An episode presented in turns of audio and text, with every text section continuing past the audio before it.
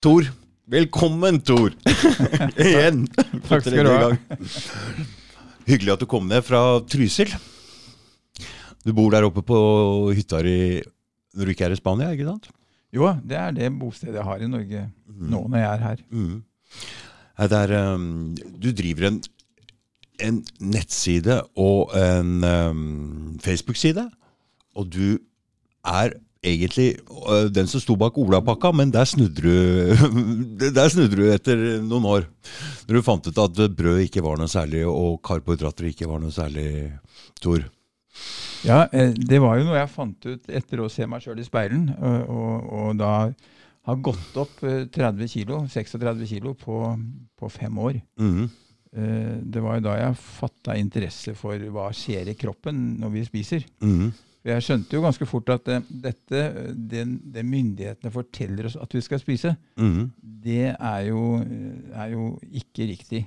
Skrur du opp hans eh, stemme litt, grann, for han prater litt lavt i forskjell på her. Mm. Snakka jeg lavt? Nei, det er ikke lavt, men du prater litt sånn utafor mikrofonen. og litt oh, ja. sånn. Jeg sitte helt sånn. Han derre der Sten som er i helsebyrådet i Oslo, Ja. Han ser ut som han er en sånn eh, robot som bare står sånn og snakker sånn som jeg gjør nå. Ja, ja, ja. Jeg går fra at du klipper og ordner ting. Nei, du vil ikke klippe av noen ting. Nei, ingenting. ingenting.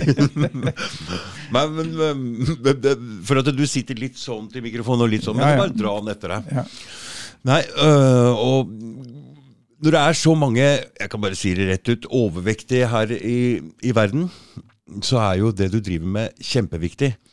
For det du sa til meg der oppe, det var at du dro unna etter den matpakkegreia der, og du gjorde masse penger på det. Du kunne egentlig bare lagt deg tilbake uten å gjort noe mer, men du hadde lyst til å bidra med noe, for det var noe du fant ut her. Og det var at karbohydrater er ikke bra. Nei, det, det tok jo litt tid å finne ut det, men, men det jeg fant ut, eh, eller skjønte med en gang, var jo at eh, jeg hadde gjort Jeg hadde jobba i fem år, eh, døgnet rundt nærmest, eh, fysisk aktivt, eh, og spist det som myndighetene sier er så sunt å spise. Mm. Altså brødskiver, matpakker selvfølgelig, baguetter, mm. pastasalater, alle disse tingene som, som da skal være veldig ålreit, masse fiber og det hele. Og Resultatet var at jeg på fem år hadde gått opp 36 kilo. Mm. Og det betyr at det så bra kunne det jo ikke være. Noe måtte være gærent. Og når jeg da først solgte selskapet og fikk eh, så mye penger at jeg ikke trengte å tenke på hva jeg skulle gjøre den nærmeste tiden, i alle fall, Mm. så fant jeg ut at nå skal jeg sette meg ned og så skal jeg finne ut av hvorfor ble jeg så feit. Mm. Og det brukte jeg da etter hvert seks år på. Ikke fordi at jeg uh, brukte seks år på å skjønne det, for det tok egentlig ganske raskt så kom jeg, skjønte jeg litt hva som skjedde i kroppen.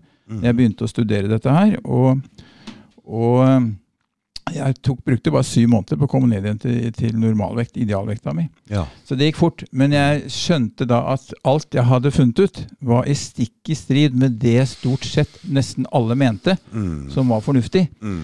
Og da måtte jeg grave meg langt ned i, i kunnskapen rundt alt, eh, i, i både medisin, biologi, ernæring, alt det som knytta seg til kroppen vår, og hva som skjedde inni kroppen, Mm. for å sitte med de riktige argumentene når jeg på et eller annet tidspunkt hadde lyst til å gå ut og si sånn er dette, Mm. uh, og jeg vil gjerne hjelpe dere hvis dere har lyst til å være med på det. Mm. Og det tok seks år. Mm. Og du, så du kaller det for du, så du var uavhengig forsker, og det er den forskninga du har gjort der, ikke sant? Som um, du satte deg inn i seks år. Ja, Det er riktig, fordi når du, altså når du kommer fram til ganske raskt at eh, problemet er karbohydrater, raske karbohydrater, ja.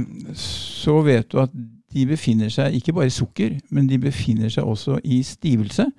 Stivelse er egentlig bare et annet navn på, på sukker.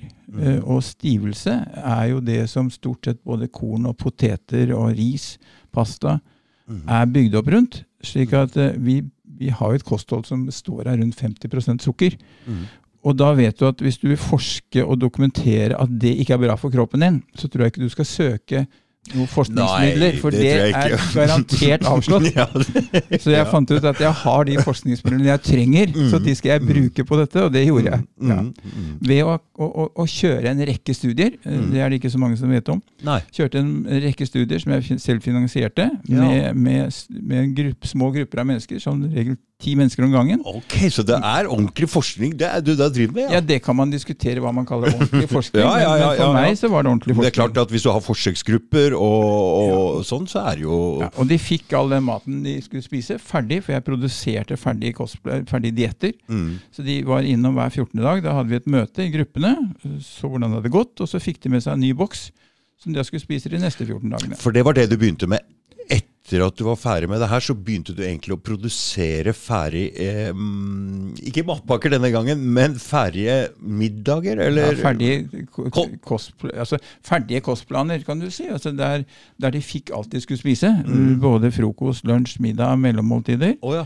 Men, men de fikk, når jeg drev denne, disse studiene, så bestemte jeg hva som skulle være oppi de boksene. Mm. Men senere så ble jo dette en meny som de kunne velge fra, og som vi distribuerte rundt hele Sør-Norge, opp til og med Trondheim. Ja, ja.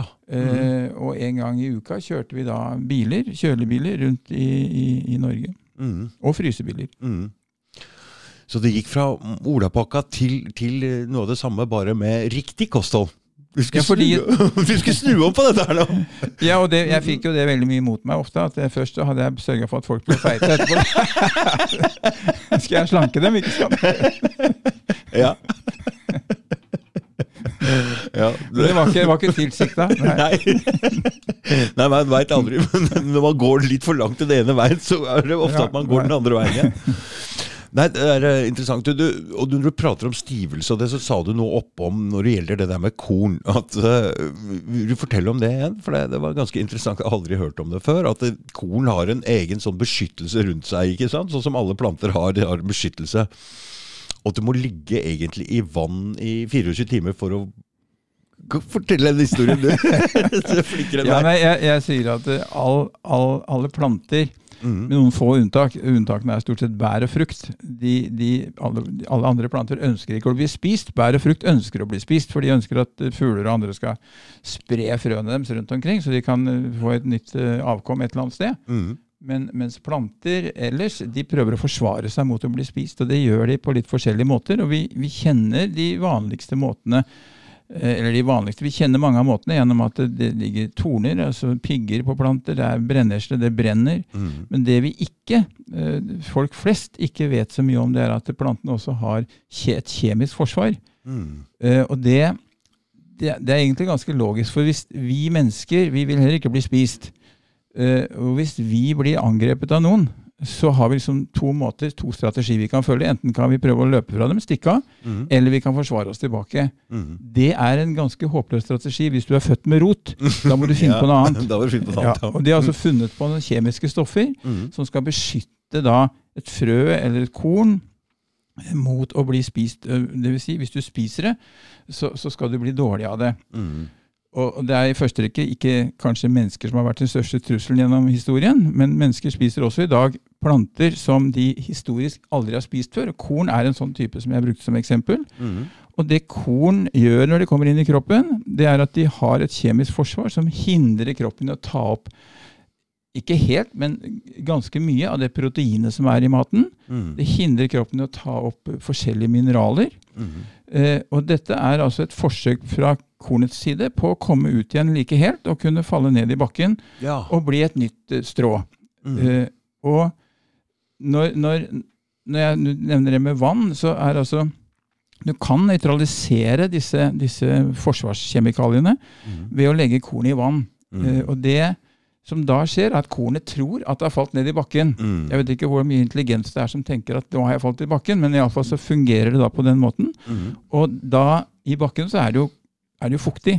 Ja, det bør det være. Hvis Ja. ikke så vil de ikke begynne å Nei. Og når, når, når kornet kommer i kontakt med noe som er fuktig, så Mm. vil disse, disse antibeitestoffene, eller antinæringsstoffene, som disse kjemikaliene kalles, de vil da nøytraliseres. fordi Mm. at da skal jo kornet kunne slå rot, og da Mm. må det ikke beskyttes lenger.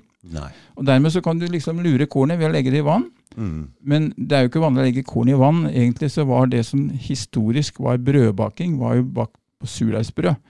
Det var historisk, ja. Ja, og Mm. da, da bakte du et brød som da gjæra i 24 timer, og da var det tilført fuktighet når, når det, for å få det til å begynne å gjære, eh, i tillegg til at du hadde med noe gjæring fra et tidligere brød som du blanda inn. Mhm.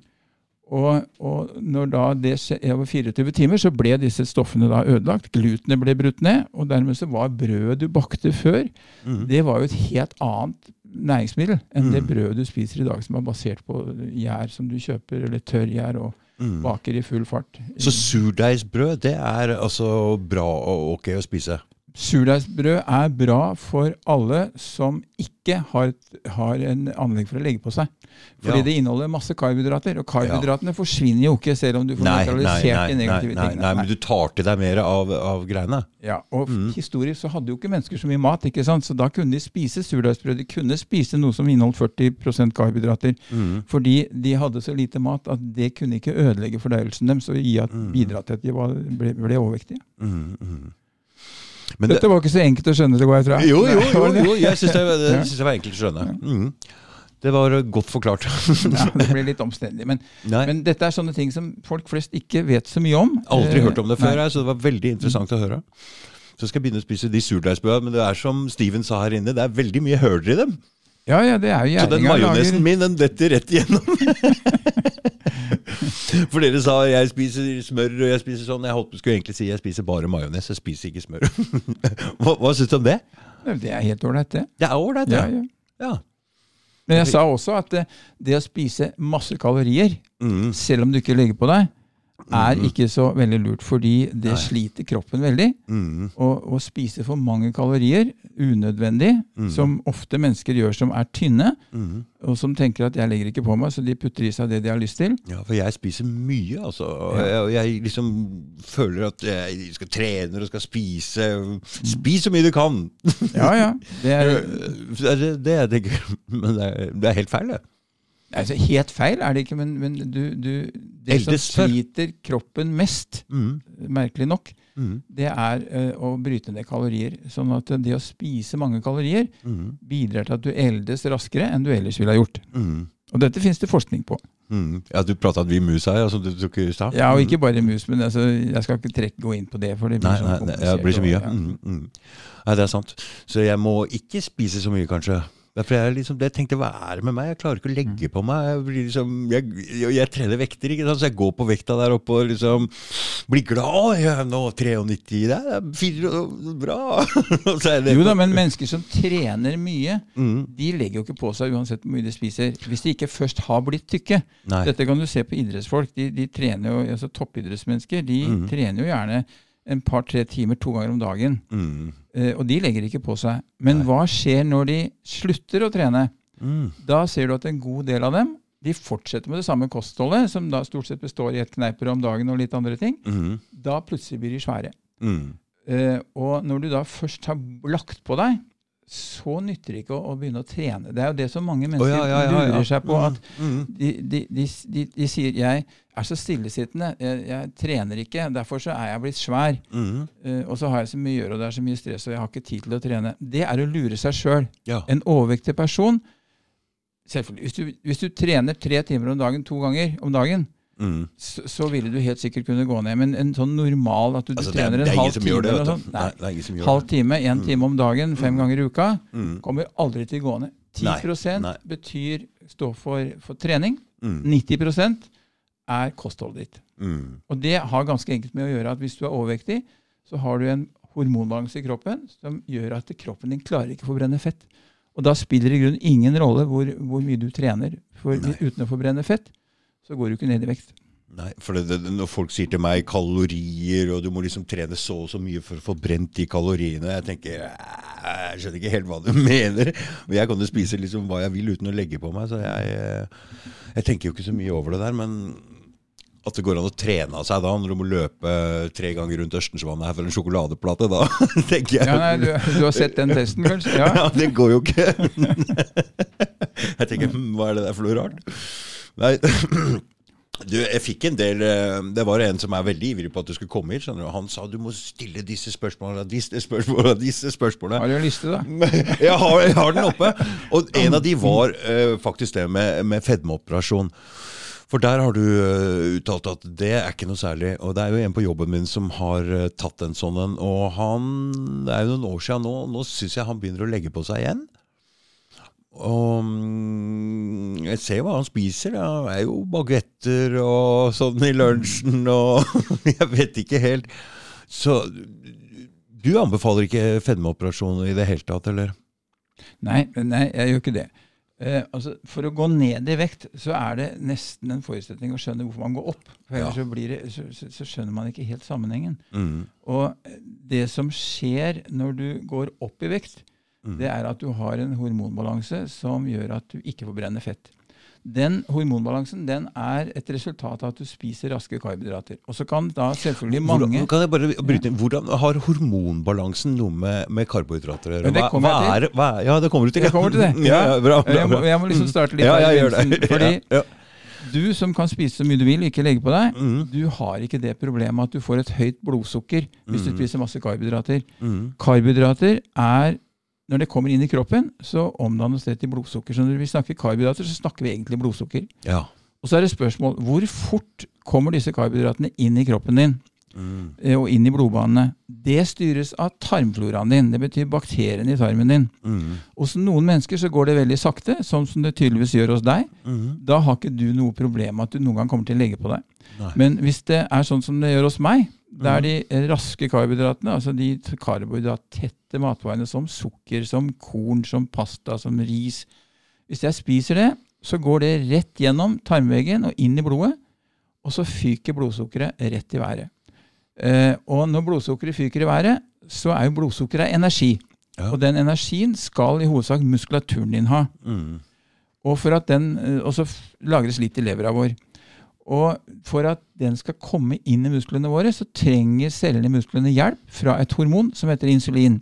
Det kan du si Mm. er en nøkkel som åpner cellene inn til musklene, sånn Mm. at det blodsukkeret kan renne inn i musklene og lagres der. mhm. Og ligge klar for å brukes når du skal trene vektene dine, f.eks. Mm. Så insulin er et hormon, ja. Mm. Insulin er, er kroppens kraftigste hormon, Oh, ja. og, og det er også kroppens fettlagringshormon nummer én. ja. Og hvis du hvert måltid spiser mat med karbohydrater, raske karbohydrater, så vil insulinet, ikke hos deg, for du har da tydeligvis en, en tarmflora som slipper dette sakte gjennom, men hos meg, Mm. og alle andre som har lett for å gå opp i vekt, Mm. så vil dette blodsukkeret stadig vekk gå opp og opp og opp, og insulinet opp og opp. Mm. Og du vil få mer blodsukker enn det muskulaturen kan ta imot. Mm. Da omdannes det til fett. Ja. Så lagres det til fett. Slik at de som tror at de må spise fett for å få fett på kroppen, Mm. de må revurdere den oppfatningen. Mm, Det mm. fettet de får på kroppen, kommer ikke av fettet de spiser, men det kommer av karbohydratene de spiser. Mm. Og hvis de spiser for mye protein, så omdannes det til druesukker, som igjen omdannes til fett, og det er insulinet som gjør disse tingene. Mm. Og dette her er stikk i motsatt av hva vi blir fortalt av kostholdsråd fra, fra, fra myndigheter. For de holder på den gamle greia der du må ikke spise fett, og der dere er mett av fett, og jeg, jeg, jeg. Men de vil ikke at du skal, du skal spise korn, ikke sant? Ja. Men så, så kan jeg si følgende. 60% av all den energien mennesker på denne kloden spiser, Mm. kommer fra korn og ris. Mm. Eh, og så får du også en god del fra poteter og, og sukker, selvfølgelig. Mm. Så kan du tenke deg, hvis man nå kom fram til at det er korn og ris og poteter og sukker som står bak ikke bare overvekstepidemien, vi har en overvekstpandemi på jorda. Ja, det har vi. Eh, vi har en I hvert fall i den vestlige delen av verden. Ja, mm. ja, og den begynner å komme også i Østen. Ja. Og vi har en diabetespandemi. altså Vi har Ja. masse pandemier. Masse sykdommer. Masse. Forskjellige Mm. livsstilssykdommer. Mm. Hvis man da sier dette skyldes raske karbohydrater, Mm. så må du da for å unngå å bli overvektig, unngå å få disse sykdommene, så må du Mm. da fjerne 60% av den maten mennesker i dag spiser. Og vi har for lite mat allerede. Kan du tenke deg noen statsminister som står fram og sier dette på TV, så du hører det? Eller befolkningen hører det? ja, okay. Dette er noe som det må legges lokk på. Ikke fordi at jeg Aha. tror de har skjønt Jeg tror ikke de har skjønt det, Nei. men den dagen de skjønner det, Så må de også så legge de lokk på det? overhodet ikke til å si det. Nei. Nei. Ok. Hvis du skal gjøre deg populær, så går du ikke ut heller og sier at nå må dere slutte å spy. Jeg vet jo dette her. Mm. Altså, jeg er jo selv forsiktig med å, å si akkurat det. Jeg må forklare det. For hvis du sier du må slutte å spise sjokolade, du må slutte med det og slutte med det, Mm. så sier jo mennesker at ja, men hva skal jeg kose meg med da? Mm. Eh, og da, da, da er jo liksom, det er liksom en vei fram til å skjønne at du koser deg med dette fordi du faktisk har blitt avhengig av det. Ja. Du har, I hodet ditt har det festa seg et sukkertroll som ligger der og roper hele tiden Mm. for å stimulere belønningssystemet ditt. Ja. Akkurat som du røyker, akkurat som du drikker mye alkohol, eller du bruker andre narkotiske stoffer. Mm. Ja, det er jeg ikke i tvil om. Jeg hadde en periode hvor jeg, jeg skjønte til slutt at det var jeg som hadde spist opp alle de tre svære sjokoladeplatene. Det var ingen andre i familien som hadde tatt en eneste bit. Jeg sto opp Altså, jeg hadde du, Ubevisst så visste jeg at det var tilbud på sjokolade på Rema, så bilen min bare sklei ned der, og jeg kjøpte de platene og trøkka Jeg står opp om natta, skjønner du, og vi, tror jeg skal dra og tisse, og så står jeg og dytter innpå sjokolade og, og melk. Til slutt så skjønte jeg at du er avhengig. Du må bare kutte ut de der greiene. Og da kutta jeg ut sukker for en lang, lang periode. Og det, for meg, du, jeg hørte du sa i stad at det tar veldig lang tid før du, før du um, Helt fri avhengighet. Helt, helt fri, men, men Så jeg spiste ikke sukker da på veldig veldig lenge. Men jeg, jeg spiste jo brød og sånne ting. Men uh, da holdt jeg meg helt unna sukker, for jeg tenkte den, den avhengigheten der, den skal vi ikke ha noe av. For jeg var litt sånn Prøve å forbedre meg hele tida. Så jeg holdt meg unna alt godteri i, i veldig veldig lang tid. Nå hender det at jeg, jeg røyk faktisk på en sjokoladeplate her i går, men men jeg er ikke sånn veldig eh, Så det var mange år jeg ikke spiste eh, sukker i det hele tatt. Mange år. Så, men jeg gjorde jo ikke det pga. noe som helst slanking eller noe som Det var bare fordi jeg merka at jeg ble avhengig. Veldig! Akkurat det samme som som du sier at det er et troll her eh, som Men, men det, det har jeg alltid tenkt på sånn som jeg synes er litt rart, at siden vi har ca. fire kilo med bakterier i kroppen, og de bakteriene er jo spesialister på å bryte ned forskjellige ting, ikke sant? Får vi da en hel haug med bakterier på en måte som er avhengig av sukker? Avhengig av det? At det er det som styrer? Er det det trollet? Er det noe Nei, trollet sitter i hjernen. Trollet sitter i er at, at sukkeret eh, stimulerer eh, produksjon av noen signalstoffer. Mm. Og det, det, det, de som forsker på det, sier at signalstoffene er for alkohol og for raske karbohydrater eller karbohydrater er eksakt de samme. Oh, ja. Eksakt de samme. Mm. Og disse, men, men alle, alle narkotiske stoffer Dette er jo narkotiske stoffer vi snakker om, som gjør at du blir avhengig. ikke sant? Ja. De fungerer på samme måten. De stimulerer signalproduksjon av signalstoffer, som så påvirker belønningssystemet i hjernen. og Du føler deg kvikk og fin og blir glad. og Det kan du se når mennesker sitter rundt et bord. Så sitter jo alle bare og ser i bordplata og venter på maten skal komme. og Når de har spist et kvarter, så skravler alle sammen. Da hører du støynivået, for da har de liksom fått opp stimulansen. ja. Og, og begynner å komme i godt humør osv. Hvis de har en liten akevitt ved siden av, så blir det, går det enda raskere. ikke sant? Problemet er at når du har gjort dette her over lang tid, Mm. og, og gjør det hver, mange ganger hver, hver dag, Mm. så vil du stimulere belønningssenteret ditt i hjernen så mye at det begynner å bli resistent. Det betyr at det reagerer ikke lenger ordentlig på de signalstoffene som du hele tiden stimulerer med å spise karbohydrater. Mm. Og når det senteret har blitt, begynt å bli resistent, så betyr det at du blir ikke like glad av den sjokoladeplata i dag Mm. som, som, som du ble for to år siden. Og da tar du heller to sjokoladeplater, for du, du vil liksom komme tilbake. Og dette vet du fra, fra røyking og fra, fra Mm. Ja, ja. andre ting. Mm. At vi, vi prøver hele tiden å få opp dette. Få den haien. Ja, ja. Mm. Mm. Og, og det må vi skjønne. Skjønner vi ikke det, så er det nesten umulig å endre kosthold. Fordi da må vi gjennom en avvenningsperiode. Mm. Eh, og den avvenningsperioden tar en del måneder. Det, det, det går ganske fort eh, den første tiden. Mm. Og det som på en måte er oppmuntrende for alle overvektige mennesker, det er jo at de går veldig raskt ned i vekt Ja. den første tiden. Og det er ikke fordi at det går så veldig mye ned i fett, men det går ned ved at kroppen drenerer ut overskuddsvæske. Altså vi har 70% av kroppen består av vann. Mm. Og når de som tar fedmeoperasjon går ned 30-40 kilo i løpet av to-tre måneder, så er ikke det for at de har gått ned noe fett, kanskje en kilo eller to. Mm. Men de har, de har drenert ut kroppen for vann, og så syns de at denne fedmeoperasjonen, som du begynte å spørre om, Mm. var kjempevellykka. Mm. Og mavesekken er, inneholder 5 av hva den opprinnelig gjorde. Mm. Og så glemmer man at den mavesekken består av hud, akkurat som kroppen utvendig består av hud. Og tarmene våre består av hud. Mm. Og når du er overvektig, så kan du bare titte i speilen, så får du bekreftet at hud det utvikler, utvider seg. Mm. Og det samme gjør mavesekken. Så den mavesekken som var så liten etter operasjon, den vil jo i løpet av to-tre år bli like stor igjen som han var før du tok operasjon. Og hvis du Mm. da ikke har endra kostholdet, så blir du akkurat like stor som du var før du tok operasjon. Mm. Og da må du endre kosthold hvis du ønsker å gå ned i vekt, eller du kan akseptere at du er overvektig resten av livet og må leve på, på, på kosttilskudd resten av livet, For- som er en konsekvens av den, den operasjonen. Ja, For det må du ha når du, når du tar bort en del av magesekken. ikke sant? Fordi du ødelegger noe der som gjør at du må ha kosttilskudd resten av livet. Ja, du må, for du blir underernært. fordi at det, fordøyelsen din vil aldri mer fungere helt ordentlig. Mm. slik at selv om du spiser riktig, så vil du fortsatt, eh, de fleste iallfall, ha behov for da kosttilskudd resten av livet. Mm. Hvis du ikke legger om kosten og fortsetter å spise det som i utgangspunktet gjør at du blir overvektig, Mm. Så, så må du ha kosttilskudd hele livet. For da, da er det i utgangspunktet lite næring i det du spiser. Så de fedmeoperasjonene de ødelegger egentlig mennesker? Det. Ja, det er mitt syn. Ja, Det, det, men jeg må få lov å ha det synet. Ja, men jeg klart må understreke Mm. at det er mitt syn, for ellers kan jeg vel bli satt bak lås og slå. Ja. Nei. Men, men jeg har sagt, Mm, mm, helsevesenet vårt er kjempebra mm, på det de er utdanna til å gjøre. mm. De skulle aldri ha blanda seg opp i ernæring og helse. Nei. Fordi årsaken til at vi blir overvektige, årsaken til at halvparten av Norges befolkning får artroser i løpet av livet, Uh, og, og vi kan liste opp massevis av Ja, for nå, nå er du inne på noe annet også. Ikke bare det med fedme, nå, men nå er du inne på betennelser. Og det var det interessante når jeg startet mine studier Mm, på begynnelsen av 2000-tallet. mm, Det var at eh, jeg samla en god del mennesker som var veldig overvektige, Ja. som hadde diabetes. mm, Og så, og så fikk de maten, vær så god, dette spiser du til neste gang. mm. Så kom du tilbake.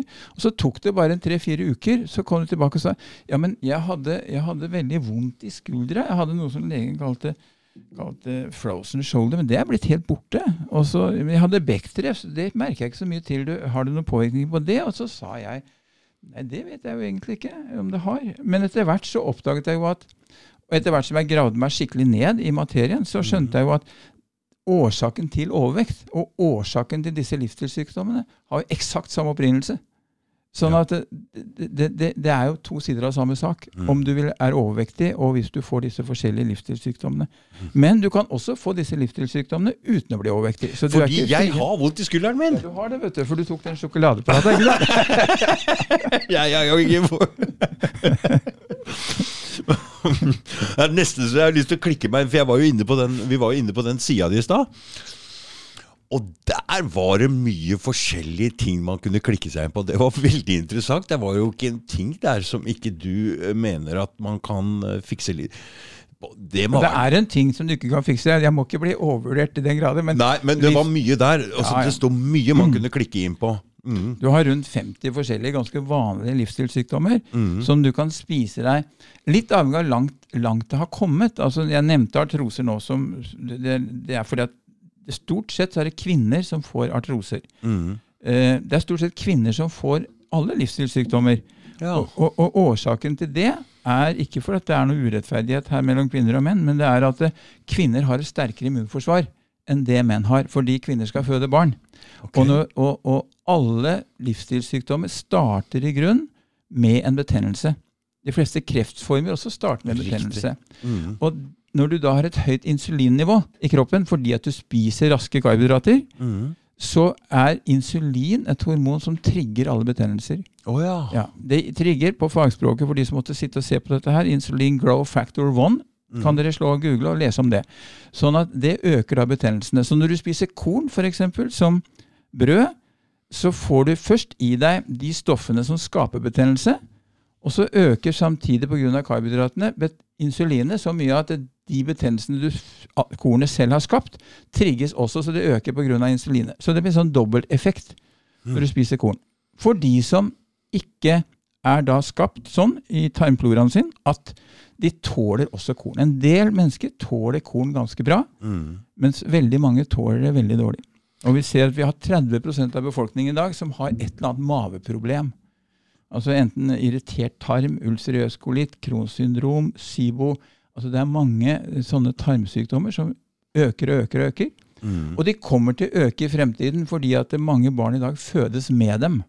Fordi Ja. nå, altså mødrene og fedrene, eh, så sædcellene, har med seg arvestoffer som okay. gjør at barn i dag fødes med en del av de genetiske trekkene som gjør at du blir overvektig, eller at du er disponert for en eller annen livsstilssykdom. Men da begynner vi å snakke om at dette her påvirker jo veldig mange folk. fordi man kan jo ha en liten betennelse, en liten sånn et eller annet som man aldri går til legen med, eller øh, Alle har jo noe eh, som sted de har vondt, eller, eller Ja, ikke altså- alle, altså- i hvert fall veldig, veldig, veldig mange, da.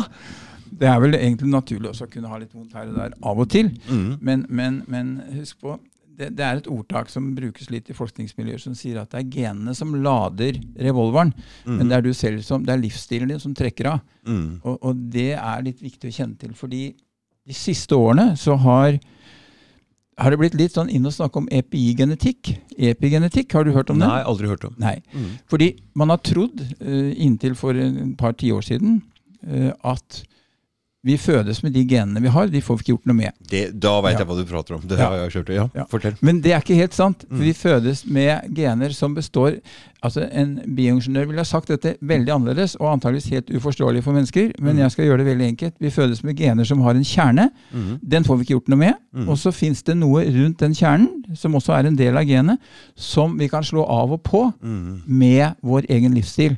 Mm. Eh, og det er hvilke gener som er slått av og på, som avgjør om vi blir syke eller ikke. Og det gjør at om vi er født med en disposisjon, om du går til legen din og sier jeg vil gjerne ha en sånn gentest for å finne ut hvilke sykdommer jeg er disponert for, for da skal jeg liksom være litt forsiktig med det, Mm. så vil du få et svar.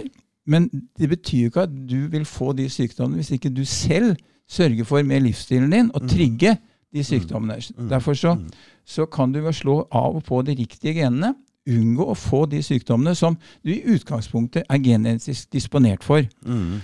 Og eh, Noen eksempler viser jo Vi har altså 2200 gener eller et eller annet sånt. Eh, vet du hvor mange gener en risplante har? Nei, jeg- jeg- 50 000. mm. Og, og, og da kan du lure hvorfor har en plante mer gener enn oss? Jo, fordi at genene våre er sånn at de kan slås av på. Så hvis du begynner å se på hvor mange kombinasjoner vi egentlig har, så er jo det enormt. Mm. Det er, må jo Lotto stille i, i langt bak, altså, med Mm. kombinasjoner. Og, og det gjør jo at eh, hvis du sover dårlig f.eks. i én uke, Mm. sover få timer, så vil du slå 800 gener over i en negativ tilstand. Så mye betyr det å sove riktig. Mm. Og nok. I, sove riktig, sove nok, sove godt. ja. Mm. Og det er der kostholdet kommer inn, fordi det er Mhm. kostholdet som er det som påvirker genene dine mest når det gjelder å slå av og på, slik at de alle kommer i en gunstig posisjon. Og Så kan du selvfølgelig ødelegge det med å ikke sove og røyke og drikke og, og gjøre masse gærne ting. Mm. Men, men hvis du lever sånt, et relativt normalt liv, så er kostholdet ditt står for kanskje 80% av det som gjør at genene dine har et fornuftig eh, avslått fornuftig av og på. Mm. Og som sørger for at da disse livsstilssykdommene som, du plages, som mange mennesker plages mer og mer av, de forsvinner av seg sjøl. Hvis ikke de har gått så langt at du, du, du, du, klarer å du klarer ikke å reversere artrose når ben går mot ben, når all brusken har blitt borte. Nei, Da, da er toget gått. ikke sant? Mm. Ja. Men du kan reversere diabetes 2. 80% av alle som har diabetes 2, kan vi reversere med kosthold, og de kan da bli kvitt sykdommen sin. Mm. Og de med diabetes 2 er i dag også litt ute og kjører fordi at de fokuserer på blodsukkeret sitt, Mhm. men ikke på insulinet. Og hvis blodsukkeret er innenfor normalen, så sier legen nei, nå har du vært flink, dette er bra dag, Mhm. nå, nå, har, du, nå har du ikke syk lenger. Hvis de hadde giddet å sjekke insulinet, så hadde det vært i taket hos de fleste. Okay. Og det er minst like farlig som blodsukkeret. Sånn at eh, skal du bli frisk fra diabetes, så må du sjekke både og Da snakker vi om diabetes 2, Mhm. ikke 1, for det er noe helt annet. Okay. Diabetes 2, så må du sjekke både blodsukker og insulin, og du kan spise deg frisk med å spise riktig. Mm. Eller du kan vente til du blir gammel og begynne å få ganske mange bivirkninger og senvirkninger av den diabetesen du har hatt, fordi at du ikke har vært villig til å ta hensyn til det. Du er ute på en kvest her du nå for å, for å hjelpe befolkningen på ja, jeg, Først nå i Norge, men du har tenkt å utvide litt òg? den nettsida di, du hørte stadig opp i stad. Ja, det- Vi er i ferd med å utvikle den nå på fem språk. Mhm. Uh, jo, det er viktig. Ja, ikke sant? For du er, ute på, du er ute på å hjelpe, prøve å ordne opp i noen ting her, og det er viktig. Det er viktig, men det, det er utrolig vanskelig. fordi hvis det du røyker, så sier myndigheter, helsevesenet og alle, og alle du kjenner, Ja, de sier jo at eh, det, dette må du slutte med. Mm, Du har liksom alle imot deg på det. Ja. Og, skal du, og hvis du røyker, så må du gå og gjemme deg. ikke sant? Du Ja, får ikke lov å røyke noe sted. Nei. Det samme hvis du er alkoholisert og går rundt og raver full, så er Mm. alle som sier nå må du slutte med dette her. altså Det går ikke. Mm. Men hvis du spiser eh, hvis, du, hvis du velger å endre kosthold sånn som jeg sier, Ja. eh, Og selv om du da ser at vekta di raser ned, hvis du er overvektig, og du blir kvitt smerter i kroppen Når du kommer til de vennene dine, og så setter de fram all maten, og så sier 'jeg spiser ikke dette her', hva sier de da? Du, har du blitt helt sær nå, eller? Hæ? Litt må du vel kunne unne deg vel? Kan det være så farlig, da? Altså Du får liksom hele det sosiale greia mot deg. Snakker du med legene, så vil 50% av legene dine si du må slutte med dette, det er livsfarlig. Du, det, kroppen din må ha karbohydrater. Noe som vi vet er bare tull. Karbo, de, få karbohydratene kroppen din trenger, de produserer kroppen sjøl. Mm. Kroppen har ingen problemer med å produsere litt karbohydrater. Og det er litt karbohydrater vi trenger. Noen celler i blodet, noen i nyrene, noen i øynene trenger litt karbohydrater. Noen få gram i døgnet. Det spiser vi fint med det kostholdet jeg anbefaler. Og spiste vi det ikke, så kan kroppen produsere det. Så det er innenfor helsevesenet, hos folk flest, så er dette et ekstremt vanskelig tema å, å, å snakke om. Eh, Og som regel, dessverre, så ser jeg med, med, med alle de titusener av kunder jeg har hatt de siste årene Ja, for da begynner du å få erfaring med tilbakemeldinger, og du, du begynner å få ganske god oversikt. Det første forskningsgreiene du gjorde, det var jo bare sånn før du begynte. Men nå så har, ser jo du hva som foregår med For du, du følger vel med mange av disse pas, si pasientene? Nei, jeg kaller det ikke det. Nei, det var feil. Men, men jeg får altså men, kundene, eller? Jeg får mellom 50 og 100 mailer hver dag Ja. av mennesker som trenger hjelp til hva de skal spise, og jeg får vite eh, stort sett mesteparten av livshistoria, i den grad den er interessant for, det vi, for, for hva de skal spise, Mm. og alle sykdommene, diagnosene de har, alle medisinene de bruker osv. Og, så Mm. og jeg tror at det, det å sitte i nå, uh, hvor lang tid er det, snart 20 år, Ja. og mye av den tiden har sittet og fått kontakt, nærkontakt med enormt mye mennesker, og Mm. hørt hva de har spist, hvordan de har levd, hvilke sykdommer de har fått, Mm. hvilke medisiner de bruker. Mm. Det gir jo en ekstremt spesiell bakgrunn for Ja, ja, ja, å vurdere når Klart mennesker det. kommer til deg. Eh, og jeg vet ikke hva du ellers skulle ha gjort for å ha hatt den samme bakgrunn. Nei. Og igjen tilbake, legene er flinke hvis du er syk. De har plukket fram en masse medisiner Mm. og sier vær så god. Mm. Men hvis du leser på nettet f.eks. Norsk helseinformatikk, som legene står bak, så finner du ut at nesten alle livsstilssykdommer så står det at årsaken er ukjent. Og i de aller fleste til, og så skal du bruke de og de medisinene, og du kan gjøre sånn og sånn, og heve senga di opp i ene enden, så du ikke gulper og sånn. Men, men altså, det står nesten på alle livsstilssykdommer, mens egentlig så er det godt kjent hva de årsakene er. Men det, du kan ikke si det. For det første tror jeg ikke helsevesenet vet det. eh, Og for det andre så ville ikke En lege er forplikta til å videreføre myndighetenes kostplan, kostanbefalinger. Mm. Hvis du gjør noe annet, så risikerer du å miste legelisensen din. Ja, det er veldig strenge. De er veldig Ja, strenge mot ja. leger. Det er uh, ikke Jo. noe som skal til. Jeg har vært borti, jeg har hørt om noen leger Ja. som Først en advarsel, Mm. og så, så, så du ikke endrer Mm. så, Og derfor får jeg mange mailer fra, fra personer som sier 'legen min ba meg kontakte deg', Ja. men hun eller han ville ikke jeg skulle fortelle at hun eller han hadde fortalt det, eller sagt det. Riktig. For Riktig. de er redde for Og jeg får fra leger som gjerne vil ha en kostplan, og som har blitt anbefalt det fra sin egen lege igjen, men som ikke ønsker at det skal bli komme fram på noe vis. Ikke sant? Så her er vi liksom Det her må bli noe forandring på. Vi kan ikke ha det sånn i det, de, de legene det er, Verden er inne og trenger en liten forandring her når det gjelder mange ting. og spesielt det innen medisin og legegreiene der. Det er, altså jeg, jeg har jo ingen tro på mye av de medisinene som de kommer med. Det er jo bare for å ta bort eh, symptomer. Ja, og pluss ja, all, all, alle, alle midler mot, mot uh, livsstilssykdommer er jo symptombehandling. Ja. Men problemet med den symptombehandlingen er at den har en masse bivirkninger. Mm. Tar du bort smerte med, med, med, med visse, visse prednisolon, f.eks., som de fleste bruker, Mm. Den gir jo en overvekt, enorm overvekt. Altså du kan Ja, ja, ja. 10-15-20 kilo kan du Mm. plutselig gå opp Ja, med å bruke ja, det. og det er mye av disse, disse uh, antidepressiva nå. Folk Det er akkurat opp. det samme. Ja, går opp. Hormonspiral som settes inn, kan Mm. fort gå 20 kilo. Jeg har truffet Mm. unge damer som er helt fortvila fordi de har gått opp 20 kilo på ett eller to år uten Mm. å skjønne hvorfor. Og så sier jeg har du hormonspiral? Så sier jeg ja, det satte jeg inn for to år siden.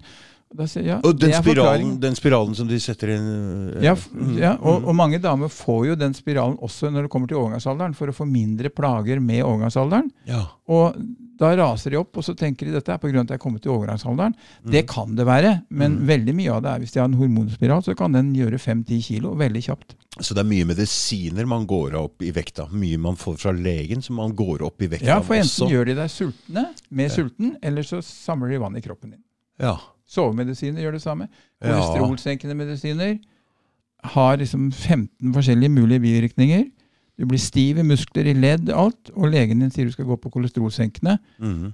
I de aller fleste tilfeller så er det helt unødvendig. Det finnes ikke én statistikk som viser at du lever én dag lenger med å gå på kolesterolsenkende medisiner. Mm. Åh, legene får seg en liten det der, det òg. Legene må etter hvert si at ja, de, de hold dere til det dere kan, og det dere har lært på universitetet. Ja. Og de er pålagt fra myndighetene å si at du skal ha kolesterolsenkende hvis, hvis liksom kolesterolet ditt er høyere enn så og så mye. Men hvis du sier nei, det vil jeg ikke, så er det mange leger, får jeg vite fra de som henvender seg, som sier flott, når du sier nei selv, så er jeg enig med deg i det. Oh, ja. Ja. Oh, ja. Så de er pålagt fra myndighetene å, å anbefale det, men hvis, hvis de sier nei, så blir de glad. Hvis du dør av et hjerteinfarkt, Ja. og det viser seg at du har et kolesterol som er dobbelt så høyt som det som er den anbefalte, Mm, og legen din ikke har tilbudt deg kolesterolsenkende, så sånn, risikerer den legen kanskje å få ganske oh, ja. ubehagelig. Ja. Mm. Så ting er ikke så lett som det ser ut til, nei. Nei, det er jo Når det blir altså, sånn. Medisinindustrien styrer jo he helsevesenet. Mm. Medisinindustrien. Ja, ja. Og eh, nå ligger det jo en ny Netflix-dokumentar eh, ute om opioidkrisen i USA. Og den jo styr, var jo styrt av Big Pharma. Ja, ja. Disse Oxycontin-greiene og den utrolig aggressive markedsføringa. Og det er jo rein eh, opiumspushing. ja, ja. Det gikk jo en serie på TV her for et halvt eller et år siden som viser akkurat det der. Ja, men han farmasøyten? Var det den? Nei, Nei. Uh, jeg husker ikke hva han het. Han Nei, det er i hvert fall en helt ny eh, serie som ligger ute nå med det samme. Så de eier jo ikke skrupler. Overhodet ikke. Overhodet ikke, nei. Og de, og de skal styre hva som Oi, Men, men alle som tenker eh, og Du trenger liksom ikke kunne veldig mye om noe for å forstå at et, noen som lever av at du bruker medisinene deres, mm. er jo ikke interessert i å finne ut av hvordan du kan slippe å bruke de medisinene. Nei, nei, nei. Dette er så enkel logikk. Mm. At, eh, og legene er pålagt å tilby deg de medisinene. Legene er pålagt å anbefale det kostholdet som, krever, som gjør at du må ha de, de medisinene. ikke sant? Altså, her er jo en fin sirkel. Mm. Og, og legeindustrien sitter jo ikke og sager over den greina de sitter på. De løper i banken hver dag med stort smil. Legemiddelindustrien, Ja, ja. Mm, ja. Ja, det er helt sikkert. Jeg, jeg, jeg skulle ønske Ja, men eh, hun Mette Kallager hadde faktisk et sånn eh, ønske om noe som heter StatMed, eller en statlig eh, Farma, eller en uh, medisingreie, hvor de kunne liksom prøve å vinkle noe ut av at det ikke bare skulle være profitt som jager dette her. Som de kunne kanskje forske på, for det koster jo veldig mye å få et legemiddel gjennom òg, ikke sant? Jo, også det, det er to sider her. fordi Legemiddelindustrien hadde jo ikke vært interessert Dette er jo aksjeselskaper. Det sitter noen Ja, som har investert og skal tjene penger. Mm, De var ikke interessert i det hvis ikke det ga noe overskudd. mm, Og Det gjør jo at legemiddelindustrien er jo kun interessert i å jage etter medisiner som de kan patentere. mm. Det er jo også noe som alle må tenke på, at vi kan spise oss friske. Men selv om legemiddelindustrien ser det, og det er klart, de som forsker på hvordan sykdom utvikler seg, og finner preparater som kan liksom stoppe eller motvirke, eller iallfall ta bort, sånn du ikke opplever den følelsen, smerten selv, Mhm. de vet jo selvfølgelig hva som skjer. I kroppen Ja, så hadde de ikke ja. klart å lage denne medisinen. Nei. Men de vil ikke si det, for de kan ikke patentere hvis det skulle være Det er bare et søkt eksempel, hvis det skulle være brokkoli som gjør at du, du for eksempel blir frisk. Mm. Det er jo ingen lege som, legemiddel som kan patentere brokkoli. Nei. Nei, Så alt som ikke kan patenteres, er uinteressant. Uinter- det betyr at all Mm. mat er uinteressant for legemiddelindustrien. Mm. Og de står for all opplæring innenfor helsevesen i form av at de supplerer universiteter og andre med forskning Mm. som selvfølgelig passer akkurat for dem. Mm. Og myndighetene hopper på og sparer ut penger, for de vil jo heller ikke prøve å gjøre noen endringer på kostholdet. De vil heller betale mer til helsevesenet hvert år Mm. for at eh, vi skal dekke over at vi faktisk har et, en livsstil som gir større, større og større helseskade. Det er et viktig eh, tema og område, Tor. Det er veldig viktig, men det er veldig vanskelig å få veldig vanskelig, synes jeg, å få aksept i Jeg tenker noen ganger hvis, hvis myndigheter, helsevesenet og alle sa du må ikke finne på å spise brød, for det er helseskadelig for deg, Mm. så hadde selvfølgelig ikke hvis du kom i et selskap og ikke spiste brød, så hadde ikke noen sagt at du blitt helt smårar nå, så skal du ikke unne deg noe mer. Og sånn. Ingen hadde sagt det. Alle hadde skjønt, akkurat som du ikke røyker, Mm. at det er fornuftig. Selv om de hadde røyka sjøl, så hadde de ikke begynt å hetse deg for at du ikke røyka. Nei. Men det skjer når det du, når det du dropper det som vi kaller kosemat i dag. Altså. Mm. Ja, det er um, Og så som du sa i stad, altså når det er uh, allerede litt matmangel, så vil jo aldri det, selv om de Nei, Den dagen de skjønner det, så kommer de ikke til å si det likevel. ikke sant? Nei. Mm. Nei, det er spesielt. Du, eh, flere spørsmål han kom med her. Eh, for Han lurte på eh, ga, For det første om For det, Fedon drev jo med dette her. Fedon var jo veldig kjent med det her. Og Berit Nordstrand driver jo med det samme. Er det noe forskjell på det du driver med der, og i forskjell til det de eh, prater om, eller? Det er litt forskjell, og, og, og den forskjellen dreier seg ganske enkelt om at jeg er ikke lege, så jeg kan si akkurat hva jeg vil. De er, lege, de er lege, de to. De er leger. De må ja, passe seg. De må passe seg, ja. ja. ja så de må hele tiden si at grovt brød er jo egentlig ganske fornuftig. Riktig. Det sier ikke jeg. Nei. Fordi at de kan ikke ta noen lisens fra meg. For det hjelper ikke noe med grovt brød. Nei, altså Hvis du først skal spise brød, så sier jeg for guds skyld spis loff. Spis loff, sier du! Ja, fordi at de der antibeitestoffene, Ja. de kjemiske forsvarene, de sitter jo i, i, i fiberne. Og hvor, hvor har kornet plassert de fiberne hen, da? De har jo ikke plassert det midt inni, for da hadde det blitt spist opp før du kom til dem. Så Nei. de sitter jo rundt, ikke sant? Ja. Ja, og, og en loff, der er jo da alle de fiberne allerede fjerna før du, før du lager loffen. Så jeg sier ikke at loff er et bra brød å spise. Jeg Nei. sier hvis du tross alt må spise brød, så spis loff. Og ikke gråbrød. Oh, Den var ny! Takk for den. Da skal jeg ikke Jeg sa ikke at loff var Nei, ja, ja, ja, jeg vet Nei, Den var fin. Så, så de er leger, så det er forskjellen på det. Ja, men, jo, men Dette får stå for min regning, da. Men altså, Ja, ja, ja, ja, ja, men- jeg, jeg vet jo at de må være veldig forsiktige Mm, mm. med hva de sier. Du hadde jo en svensk lege her i 2009 som mista lisensen Ja. fordi at uh, hun sa at uh, Dahlqvist Fordi hun sa at diabetikere uh, burde holde seg vekk fra karbohydrater og spise mer fett. Mista hun lisensen på den? Ja, hun gjorde og, Oi, oi, oi, og så fikk hun tilbake i 2011. Ja. Uh, For da klarte ikke det livsmiddelverket eller hva det heter der borte, å dokumentere at det var riktig, at det, det var feil det hun sa. ja, for hun gikk til sak for å få det igjen, ja. Ja, Mm. og, og, så, og så var det, det Dette har jeg hørt. Og så var det to, to år etterpå så gikk svenske myndigheter ut eh, og anbefalte eh, diabetikere å droppe sukker og spise mer fett. Og droppe karbohydrater. Så det hun ble straffa for, var det de selv to-tre år etterpå gikk ut og sa anbefalte. Så svenske lesmiddelverket er ikke så strenge som i Norge, altså? Nei, Nå? det, var en, det, er en, det er som det er, en, det er en- myndighetsorgan som gikk ut og anbefalte det. Mm, ja, ja. Så, Mm, mm. så jeg tror de er mer liberale. Du har jo et kostdoktoren borte i Sverige, f.eks. Han driver jo han er jo lege, han er jo kjempesvær. Han har jo millioner følgere på både i Sverige og i England. og Jeg vet ikke hvor han er nå. Ja. Mm. Uh, og han er jo helt der, Han og jeg er nok veldig like. ja. Så jeg tror svenskene har blitt litt mer Liberale. Det er veldig, Ja. I Norge er det veldig mye, men veldig mye rart. Ja, jeg prøvde jo å lage en kostplan mot, eh, mot, eh, som du kunne bruke hvis du ville unngå kreft, eller hvis du hadde kreft, eller om du hadde hatt kreft. Og det, Mm. det var ikke en kostplan som ga noen garanti for at du ikke fikk kreft, men det var iallfall en kostplan som ut fra all den forskning som finnes tilgjengelig i dag, Mm. eh, fortalte hvilke næringsmidler du burde unngå, som var da mat for kreftceller. Altså kreftceller elsker jo sukker, f.eks. Mm. Det, det er ikke noe De som lurer på det, kan jo se på den derre PET-skanning som brukes som en slags røntgen når du har fått kreft. Så, Mm. så, så sprøyter de sukkervann inn i årene dine. Mm. Radioaktivt sukkervann.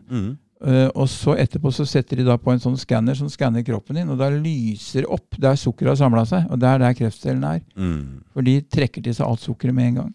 Slik at sukker er liksom festmåltidet for kreftceller. Mm. Er det jo ingen diskusjon om er riktig.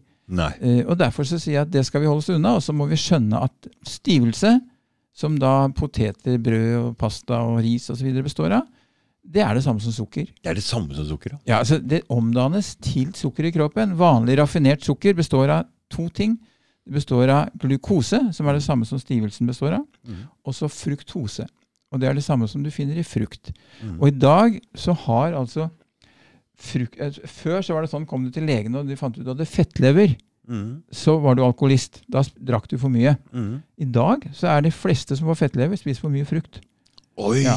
For alle tror at frukt er sunt, for de Vi, vil gjerne vi hører fem om dagen! Ja, men du vet, alle vil Fem leve om sunt. dagen? Hvem klarer å spise fem frukter? Men det er jo anbefalt av myndighetene i Norge. Ja, ja. Men kombinasjonen at du tror det er sunt, og i tillegg er det søtt, Mm. det gjør at mennesker bare kaster seg over og tror de er sunne. Fordi at de spiser masse frukt. Så den derre frokostbolla mi med havre, litt grann havregryn og masse frukt og bær og sånn, er kanskje ikke så sunn allikevel. Det er proteinpulver og alt mulig oppi der. Nei, ja, proteinpulver, så gjør de så greia, vet du. Da går det bra. Det er den som gjør at du blir sånn sjokoladegodteri. Det er vel lagd av myse, antageligvis, da. Mm. Det er vel lagd av myse, det Det er sikkert melke, melkeprotein. ja. hva- har du noen meninger om akkurat det, eller? Nei, altså Myse er jo det du gir babyer for at de skal vokse raskt. Ja. Så hvis du har et behov for å ese ut og bli svær, så skal du putte i deg mye myse. ikke sant? Det er jo det jeg prøver på. ja, for det er melk, melkeprotein, det. Myse. Nei, det er ikke protein. Ja, det er protein også. Mm. Eh, Men det består også av mye sukker, melkesukker, altså laktose. Jeg var litt langt unna. Ja. Jeg hører det, Nei, men, men jeg er ikke, advarer ikke mot melkeprodukter, men, men eh, mot å drikke melk. Altså ikke syrna melkeprodukter. Og så Hva betyr det? Syrna? Ja, det betyr altså hvis du tar en ost Alle ost er fermentering, Ja, syrning. Altså alle faste oster mm, består bare av melkeprotein. mm. Uh, og og de, de kan vi spise. Eh, og de er bra for deg som trener mye også, å spise dem. Mm, Men med en gang vi begynner å bevege oss på litt mer sånn løse ting, som yoghurt og, og sånn, mm. så må vi være forsiktige, at de stimulerer eh, insulinproduksjon enormt.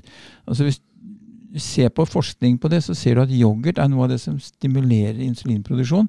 Selv om det ikke inneholder mer raske karbohydrater, så stimulerer det insulinproduksjon enormt. Melk òg, det?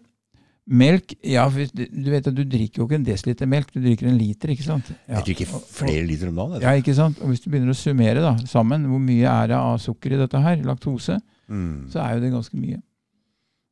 Hmm. Så det går litt på mengde. Mm. Mens mange som skriver til meg sier at kan jeg ta en sukkerfri pastille, for det er 40% eller 60% sukker. Så sier jeg at den veier et halvt gram, så da hvis du regner 40% av et halvt gram, så blir jo ikke det så mye. Så jeg tror jeg du skal ha god samvittighet for. Ja. Ja, Pastill går det. Men dette er ting som, som for folk flest de kan jo ikke dette her. De har jo aldri lært det. Hvem har snakka om dette her på skolen andre steder? Nei, nei, nei, nei. Det eneste du Ja. ser i butikken, det er jo når jordbæra kommer. Søte, gode, søte, Mm. gode. ikke sant? Det skal jo Mm. Barnesangene er jo at jordbær er søte, du skal fløte og alt dette her. Ja, ja, ja. ja. Så du starter jo allerede fra du er liten til å ødelegge kroppen din. Mm, mm. Ja, det er helt sikkert. Og godteriet står godt plassert i hyllene i butikka. Lav høyde, altså. Ja, ja, smågodt. Er jo en sånn Mm, lang benk, har jeg sett. mm. Lang benk, ja. Unga vil ha. Ja, Det er klart det. De, er jo, de, vil ha alt som er søtt. Mm. Jeg skal fortelle en morsom historie når jeg var liten. Jeg var så opphengt i godteri, så jeg, jeg gikk ut i gata. Jeg veit ikke om jeg har vært så store karen, men jeg gikk og tok tyggegummi vet du, opp fra bakken. og tok det med hjem her. Og tok og putta sukkerbit inni og ordna meg eget godteri. Det i hvert fall bra med bakterieflora, da, når du peller opp. Prøvde å unngå de med mye småstein og sånn, da.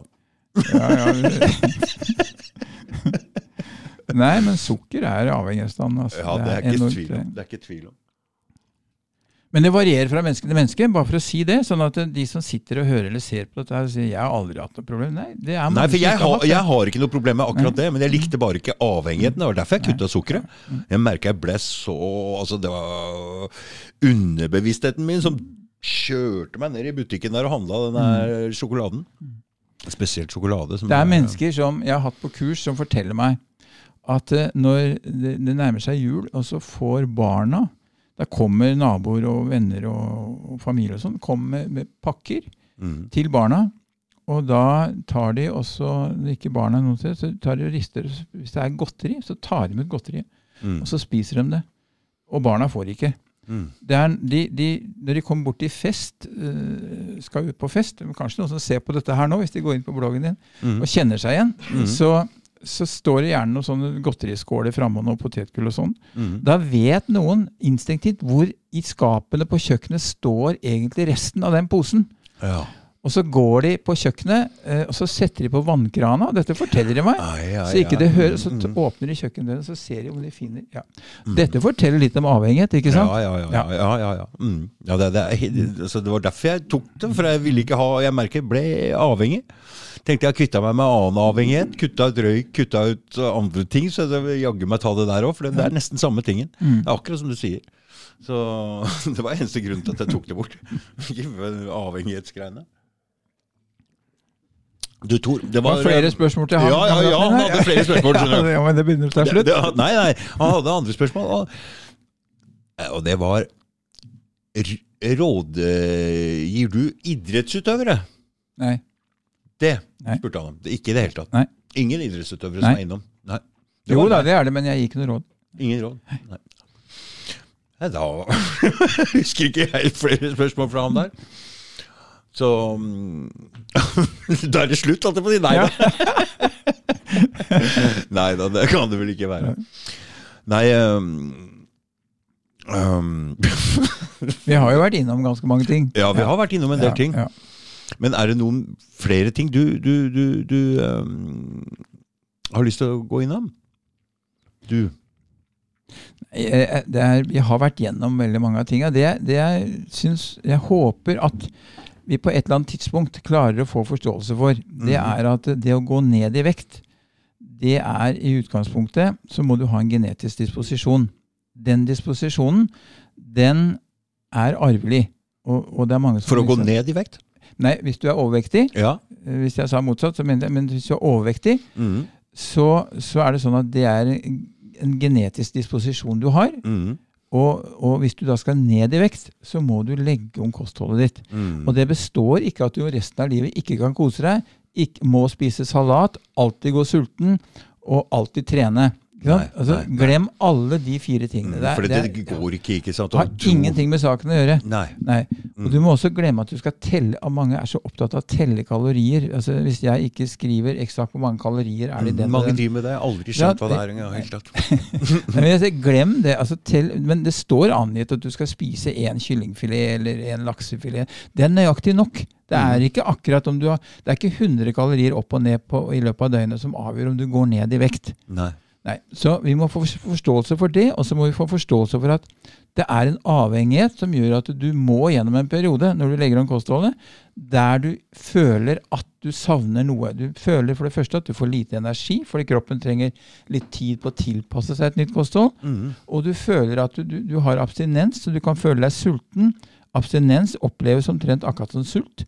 Mm. Uh, og da pleier jeg litt sånn flåsete å si hvis du føler at du tror at du er sulten, så får du ta en liten boks med, med, med tunfisk. Ja. Ja, Men så sier hun jeg har ikke lyst på det. Nei, men har du ikke lyst på det, så er du ikke sulten. Nei, for, Nei. Det, for jeg sa det til deg. Så, du vet, etter at jeg har spist middag Jeg er jo mett. Ja, Ennå så har jeg lyst på noe. Ja. Og det har gått og spist to brødskiver med majones og ost. Og liksom. alle mennesker er sånn, fordi hvis du er på en, et sted, en restaurant, eller en hotell, en, en båt, mm. der de har en buffé, en svær restaurant, mm. så, ser du, så sitter du sammen med fire, fem, seks stykker. Mm. Så spiser alle, og så klapper de som og sier 'nå er jeg så mett, nå orker jeg ikke'. Et skje til. Og så går det to-tre minutter, og sier 'nei, jeg må bort på dessertbordet'. Så kommer de med ja. den haugen med Mhm, kaker og mhm, sjokoladepudding og hva nå alt det er nå. Og det er jo så kaller de dessertmage. Men, men det er jo her, ikke sant. Det er her. Mm. Og de må selvfølgelig få lov å gjøre det. Det er ikke noe kritikk av noen. Men Nei. det viktige er at de skjønner at det, det At de er avhengig. Ja, at de er avhengig. Ja. Mm, mm. Så man må skjønne at det er en slags avhengighet, det Ja. der karbogreiene. Ja. Mm. For det er jo ikke så lett. Det er jo egentlig litt lett å skjønne også, hvis man tenker etter. Hvis man merker etter òg. Jeg må jo skjønne det når jeg er sulten og har spist en svær middag, at jeg må gå og spise på brødskive med ost, at det er noe. Eller, eller den frokostblandinga òg med, med, med frukt og proteinpulveret med det Det er jo ikke sukker i det proteinpulveret, men det er vel noe aspartam og greier. Men der er ikke du. med kunstige søtstoffer, der eh, Det sa du oppe i stad, det hadde du ingen problemer med. Nei, altså det, det, det, er ingenting som skal besvares med én setning. Nei. Men hvis du er avhengig av, uh, av raske karbohydrater, Mhm. som altså er alt 50% av det vi spiser, stort sett Nesten alle er avhengig av det, på en måte. Nesten alle er avhengig av det. ja. Mhm. men, men du vet, det er mange som, som deg som, som, som ikke legger på deg. Mhm. Du kommer aldri til å skjønne det hvis ikke du hadde engasjert deg i det du gjør nå. Mm. Fordi de fleste lever hele livet og dør med det. Mm. Og de vil aldri innrømme at de er avhengig av raske karbohydrater. Selv om Mm. 50% av det de spiser hver dag, er raske karbohydrater. For du må jo først slutte med det for å skjønne at du av, er avhengig ja, av det. ja, ja, ja, ja, men du må skjønne at det er et eller annet som drar, og jeg merka at det var noe som dro. Ja. så man merker jo det, at man på en måte er avhengig, men klart hvis man ikke har noen problemer, så Men jeg var jo sånn på jakt etter avhengigheter.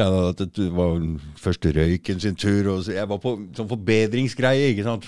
Jeg har jo drevet med mm, ting før, ikke sant, og liksom skulle bli litt bedre, litt bedre, litt bedre, så derfor røyk den sukkergreia også. I hvert fall når jeg merker hva jeg dreiv med. Du vet, du kan dele, egentlig, kan du dele kroppen i to. Mm. Du kan ta hodet som en del, og så kan du ta resten av kroppen. Og de to de har helt motstridende interesser. ja. Fordi kroppen din, herfra og ned, Mm. den hater det du spiser, stort sett. Mens den her oppe, den elsker det. Ja. Mm. Sånn at når du spiser deg helt mett, så har kroppen din spist seg mett, men hodet ditt har ikke fått noe. Og derfor Du- går du til dessertbordet. ikke sant? Det er så rart hvor man har sånn destruktivt hode som drar altså inn i rusmidler, inn i Ikke bare det, man, man gjør veldig mange negative ting som ikke er noe bra for seg sjøl. Ja, ja. altså, hva driver man egentlig med? Du driver med selvskading Ja, innvendig, og det, mm. det syns ikke. Nei. Nei. Man driver med det på, med så mange ting også. Mm. Det er det det lystsenteret i, i hjernen som gjør dette her. Ja, og det, det er fordi at vi ikke, men, men du vet at vi, vi kommer jo fra en, en tid der det var jo ikke mat som, som, som var det som var mest fremtredende. Hadde Nei, vi noe å spise, Mm. så, så var det jo bra. Mm. Eh, og så gikk det lange perioder der vi hadde nesten ikke noe å spise. Og da var det om å legge på seg og Ja. trykke i seg, ikke sant? Ja, Og da, Mm. da, da, søkte, da skulle vi søke mot Vi har jo eksempler i dag. Brunbjørn gjør jo akkurat det samme. Ja, ja, Den går jo på høsten, putter i seg en haug med blåbær og sikkert andre bær, Mm.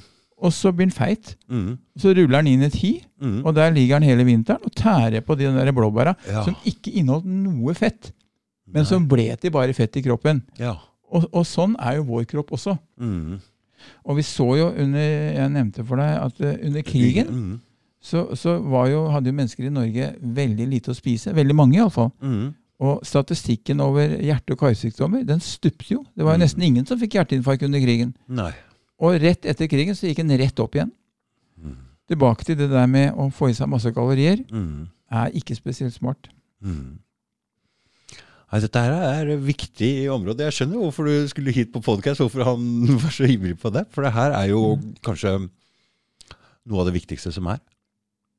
Ja, I den grad vi syns kroppen vår er viktig, så Ja, altså, må hvis- vi ja. si at det er viktig. ikke sant? Men Kroppen, ja, men det er jo Det er jo, det er jo livet vårt. Ja, ikke sant? det er oss. Det er oss. Ja. Så det, det er klart det er viktig. Men vi tar den som en selvfølge. Mm. Vi spiser det vi føler er bra, eh, og, og blir glad av det, og blir overvektige og blir syke. Mm. Og så får vi en trælete alderdom, og det må vi tenke på. Altså, hvis du har lyst til å ha en god alderdom, Mm. så kan du ikke tenke på det når du er på min alder nå, som kommet opp i 70-åra. Du må liksom begynne å tenke på det litt før. Mm. Og, og, og, og gjør du det, så, så blir du ikke snittalderen på 82, vet du. Du blir en snittalder på 102 antageligvis. Mm. Men, men du Tor, jeg, jeg, jeg har jo no, jeg har hatt en bet, liten betennelse i rumpeballen min lenge.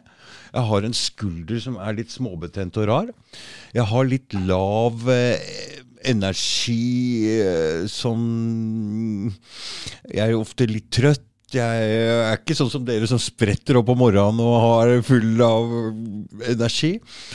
Så for meg, hva ville du anbefalt? Jeg spiser mye brød, jeg drikker veldig mye melk. Jeg, jeg spiser som regel ikke noe sukker, men ville du anbefalt meg å forandre på kostholdet? Jeg anbefaler alle å endre kosthold. Mhm. fordi, fordi alle har godt av å fjerne den maten som ikke kroppen vår har godt av. Mm. Selv om du ikke blir overvektig. Nei. Eh, og, og, så, og så trener du jo tydeligvis mye. Men- Trene, men- ja, jeg trener, prøver å trene mye, i hvert fall. Ja, men det er ikke så mye protein og andre ting du trenger av den grunn. Altså det ikke, kroppen vår er, er, den bruker alt den får i seg på en veldig rasjonell og fin måte. Og du anbefaler meg For jeg spiser jo Altså, jeg har jo vært i en sånn øh, greie hvor jeg prøver liksom å spise så mye jeg kan, og så ofte jeg kan. Og, og, og det er heller ikke bra. Ikke sant? Det snakka vi om i stad også, for det eldes kroppen din øh, mer. Så du anbefaler meg egentlig å spise mindre, ikke så mye, og ta bort brød. Ta bort øhm, poteter, Poteter, Brød, poteter, melk, ris. ris. Men Hva skal jeg spise da? Nei, ikke sant? Den har jeg hørt før. Hva skal jeg spise da? Ja, men du, du, du vet jo hva, jeg har, faktisk, jeg har faktisk Når jeg lager middag, så tar jeg ikke spiser veldig mye ris. Da tar jeg veldig mye grønnsaker isteden. Og koker opp sammen med og lager sammen med kjøtt. Så jeg bare bitte lite grann ris. Ja, bra. Det er bra, ja. Ja, det er bra. Mm. Men risen kan du droppe. Mm. For den trenger du ikke. Nei, den kan jeg droppe helt der. For Ja. jeg trenger bare masse grønnsaker og, og, og, og, kjøtt. Ja, eller fisk. Eller egg. Eller altså Ja, ja, ja. Så det er bra. For det, når jeg lager mat, så lager jeg jo den. Jeg har jo den i mange dager. For jeg lager en sånn svær en. Så jeg har jo middag i flere dager. Så det er, det er bra istedenfor. Så du blir nødt til å lage mer varmmat når du ikke kan spise brødskiver. Ja, eller du kan spise Altså, jeg spiser jo hver morgen spiser jeg frokostblanding Ja. som jeg lager sjøl. ja jeg òg lager min, men, men du, du, du var ikke så interessert i å ha så mye frukt oppi der, du. Nei, men jeg har bær. Du har bær, ja. Ja, Mhm. Blåbær, skogsbær, forskjellige ja, typer. for, for det, den er ganske billig når du kjøper Var billig, kosta bare 10-12 kroner før, men nå er den oppe i det dobbelte. med det der eh, med ekte blåbær som du får kjøpt på det, i alle butikker, Ja. på, i frysedisken der. ja det øker i pris. Ja, ja det øker i pris. Ja, Den har dobla seg nå bare på tre år, tror jeg. Men den, den var veldig billig, da. 10 kroner. Det er 400 gram, men den koster vel bare noen og 20 nå. Jeg synes fremdeles det er ganske billig for blåbær, altså. Jo, så er skogen altså jeg, ser, jeg bor jo midt oppe i fjellet i Trysil. Mm. Uh, og jeg trener mye oppe i fjellet der mm. uh, på sommeren. Mm. Og det, altså, det er så mye blåbær. Ja. Det er ingen som plukker det. Det er ingen som bryr seg om det. Nei, ingen som gidder. Nei. Men hvor, det, jeg har alltid skjønt, ikke skjønt hvordan de klarer å få 400 blåbær inn i butikken til 20 kroner. Det er ganske billig allikevel. Ja, ja. Men nå er det kommet økologiske blåbær. Og det er altså utrolig fake. Altså, Hvilke være. blåbær er det som ikke er økologiske? Ja, det er det jeg tenkte på, ja! Det er det jeg tenkte på. Jeg så det, det ligger økologisk ved siden av. Ja. men Jeg tenkte, hva er i all verden? Det kan ikke være noe annet enn økologisk blåbær. For det er jo de, det er jo de små blå Det Er ikke de der store i den Nei, de er jo verdiløse. Hva er det De- fra? Ja, nei, De er svære blå. Jeg ser, de kjøper den med hvite inni. Det er ikke blåbær, det. Nei, nei, det er drivhusblåbær. Det, ikke, det har ikke noe med blåbær å gjøre. Men det har ikke noe med blåbær å gjøre. ikke sant? Det det Men, jeg men det er, jeg tror det er 0,2 promille av norske skogen som er, er sånn at du ikke du kan plukke blåbær der. For at Mm. de, jeg vet ikke om de sprøyter eller gjør et eller annet her. Mm. Men resten, og det, det, er, så, så det er en sånn måte å tjene penger av folk, vet du. Mm. Å Mm. få økologiske blåbær. Mm. Og det har jeg også snakket om her før i dag. Eh, For når vi snakker så lenge, så kan jeg begynne å snakke om før i dag. Ja, for du har jo vært der siden klokka to, og vi har prata i ett sett hele tiden. Men det med økologisk er jo heller ikke, og dette får jeg på pokeren for, vet du, når jeg sier, men, men det får ikke hjelpe. Men, men økologiske frø, og, og, og, og korn også, for å ta med det, da, for de som spiser det, Mm. det er jo ikke så smart. fordi når vi snakker om at de har jo forsvarssystemer, disse plantene, for å ikke bli spist. Mm. Og når vi spiser dem, så prøver vi å lage masse ugreier nedi i magen vår for at det skal komme ut igjen og fortsatt kunne bli et nytt eh, plante. Mm. Og hvis du da ikke sprøyter dem, så har de jo behov for å ha et mye sterkere forsvar enn om du sprøyter dem. For sprøyter du uh, planter, Mm. så vil jo sprøytinga sørge for å holde alle sånne udyr unna som kan spise dem opp. Riktig. Og dermed så har de ikke noe stort behov selv for å utvikle Ok, eget forsvarssystem. Det er ikke bare bare, nei. Nei, så, Men dette dreier seg altså om planter som mennesket ikke er tilpassa gjennom Mm. historien. ikke sant? Vi Mm. går tilbake i tid. Mm. så, så, så, så spiste vi jo nøtter og, og frø osv., men ikke korn. Korn er en nyoppfinnelse. Ja. Ja, så nøtter og frø har vi ikke noe problem med å håndtere selv med alle de antibeitestoffene eller antinæringsstoffene de har. Mens, For de har det, de òg. ja, ja, alle planter som ikke ønsker å bli spist, har det. Mm. Men når mennesket har spist det gjennom hele sin historie, Mm. så har immunforsvaret vårt liksom funnet ut at dette er ikke så farlig. Så dette godtar vi, for det er jo immunforsvaret som reagerer og skaper betennelsene. ikke sant? Mm. Ja, for, ja, ja. Men i min frokostblanding så er det selvfølgelig nøtter. Ja, det er Både fint. mandler og sånne cashewnøtter, og, og mye blåbær også. Mm. Men jeg bruker sånn eh, Jeg tar sånn frossen ananas oppi. syns det er så godt. Blir så, det er kaldt. Og så mm, pærer og alt mulig. Men havregryn, hva, sy hva syns du om det? Havregryn? det, vet du, der begynte jeg i sin tid, når jeg, når jeg var 30-36 kilo tyngre enn jeg er nå, Mhm. og, og skulle være den gangen, Mhm. så spiste jeg havregrøt Ja. om morgenen. Mhm. Og Trude, kona mi, hun har aldri vært overvektig. Hun er sånn som deg. Hun kan spise akkurat så mye hun vil, legger aldri på seg. Mhm. Og når jeg begynte å studere dette her da, etter jeg hadde blitt så svær, Mhm. så, så, så, tenk, så fant jeg fort ut at her må jeg finne ut av blodsukkeret. Ja. Det kan jo alle gjøre. Det er bare å gå på apoteket og kjøpe en blodsukkermåler, sånn som mm. alle Men den diabetikere kjøper. insulinmåleren, er det også noe Nei, du du får ikke insulinmåler. Den må du gå fortsatt til legene og, og, og få tatt insulinet. Mm, mm, mm. Eh, men så tok jeg da, etter, før og etter jeg spiste havregrøten, så tok jeg og sjekka blodsukkeret mitt og Trude sitt. Mm. Det var veldig fint å kunne teste på kona når hun ikke Ja. kunne legge på seg. Hun så ut som en nålepute til slutt. ikke sant? For vi måtte Mhm. jo gjøre dette her om igjen og om igjen. og om igjen. Mm. Og mitt blodsukker på, med havre gikk rett i taket, Ja. mens hennes gikk sånn flatt. Det gadd ikke løfte seg i det hele tatt. ikke sant? Nei. Og da så vi hvor forskjell det var på henne og meg. Mm. Men nå spiser hun det samme som meg. Mm. Og det er jo for at det er jeg som lager all maten, så hun har ikke noe valg, stakkar. Men, men hun, hun syns det er ålreit. Ja, Mm, ja. mm, Og, og det er selvfølgelig næringsrikt, og det er bra på alle måter. mm, mm. Men du må ikke spise brød til frokost. Du kan spise det du gjør. Nøtter, bær, og så kan du ta cottage cheese. Men det har blitt mindre og mindre havregryn i bolla. Ja, den kan du droppe. Du kan droppe den helt, ja. Ja, ja. For dette har litt havregryn i bånn, og så tar jeg sånn der eh, kokosmasse. Av alle ting, jeg vet ikke ja. hvorfor. Jeg bare tar masse rare ting som jeg tror kanskje er sunt. jeg. ja håper det er sunt, ja. og, og, og så selvfølgelig bær og nøtter og, og, og, og frukt. Hold på, Dropp frukten, men hold på bær, Hold på bær, eh, ja. og nøtter og frø. Mm, Eh, Og så kan du ta litt eh, cottage cheese, for du liker jo da å ha protein. Kan du Ja. du se for proteinpulveret. mm. Og så kan du, hvis du vil ha litt melk oppi der, så kan du bruke mandelmelk eller kokosmelk. Ja. For eksempel. Mm, Og da har du frokosten din. mm. Du trenger ikke noe mer. Nei. Så nå har jeg en ny frokostblanding på gang her, da. Ja, ja, det syns jeg. Og den middagen min, den var, den var ok. Men du, har du hørt om Det er noen jeg kjenner som har prøvd seg på sånn karnivordiett. Fordi det var han Jordan Peterson vet, du, og dattera hans vet ikke om du vet hvem det er, men eh, hun hadde så mye sånne revmatisme og sykdommer og begynte å kutte ut. Det er bare kjøtt. Spiser bare kjøtt.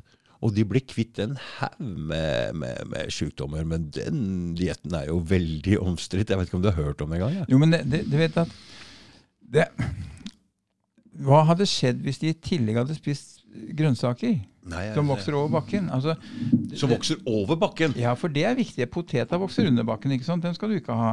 Men, men gulrøtter og Ja, litt gulrøtter, men helst ikke mye. Nei. 50 gram, sier jeg i mine kostplaner.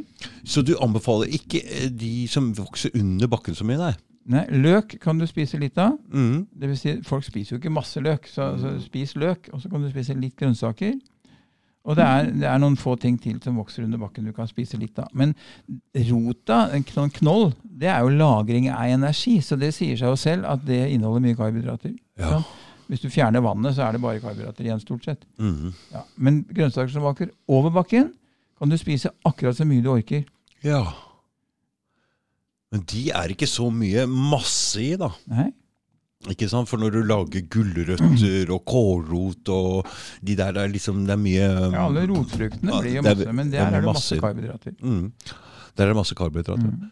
For det overbakken blir jo mer sånn bladgreier og Ja, tomater og paprika. Ja, ja, du, ja, du har jo en god del der. Og slangeagurk og squash og auberginer. og- mm. Mm. Mm. Det går fint, det. Nå lurer jeg ut her av kostholdet ditt uten at jeg Men det står på skjermen, så det er ikke noe Det kan alle se, det. Ja, men må betale for disse kostholdplanene. Kostholdplanene koster 430 kroner. Mhm. Det, I det så ligger ikke bare en kostplan, Nei. eh, men det ligger først så kan de gjerne kontakte meg og få råd hva de skal, hvilken de skal velge. Det er 32 forskjellige. Og da må de fortelle om seg selv eh, og, og hva de ønsker å oppnå, og hvilke sykdommer de har. og litt sånn. Så skal jeg gi dem eksakt hva, hvilken kostplan de skal velge. Mm. Så får de en kostplan. En kostplan er, eh, forteller deg hva du skal spise. Mm. Eh, og den, du får ikke en kostplan aleine. Du får også en bok samtidig. Ja, boka di, en ikke sant? e- e-bok Mhm. som følger med, Mhm. Og som gjør at du kan lære. Du kan lese den, og så kan du si 'dette kan jo ikke være sant', og 'det kan jo ikke være så farlig', og 'det kan ikke være sånn'. For det er det du vil si når jeg forteller dere om alt om alt det rare du får i deg når du spiser dagens normalkost. Mm. Så kan du ta kostplan, og så kan du spise den, og så kan du få bekrefta i løpet av få uker akkurat det du leste i den e-boka. mm. Som du ikke trodde på utgangspunktet. Det får du bekrefta ved at du har fått fasiten. Mm. Den heter en kostplan. Så må Mhm. du følge den. Mhm. Og hvis du lurer på ting etter du har starta med kostplan, så kan du kontakte meg og få råd og, og svar på det du lurer på. Så dette er en pakke til Så- 430 Så dette er, kroner. dette er jaggu ikke mye penger, det da?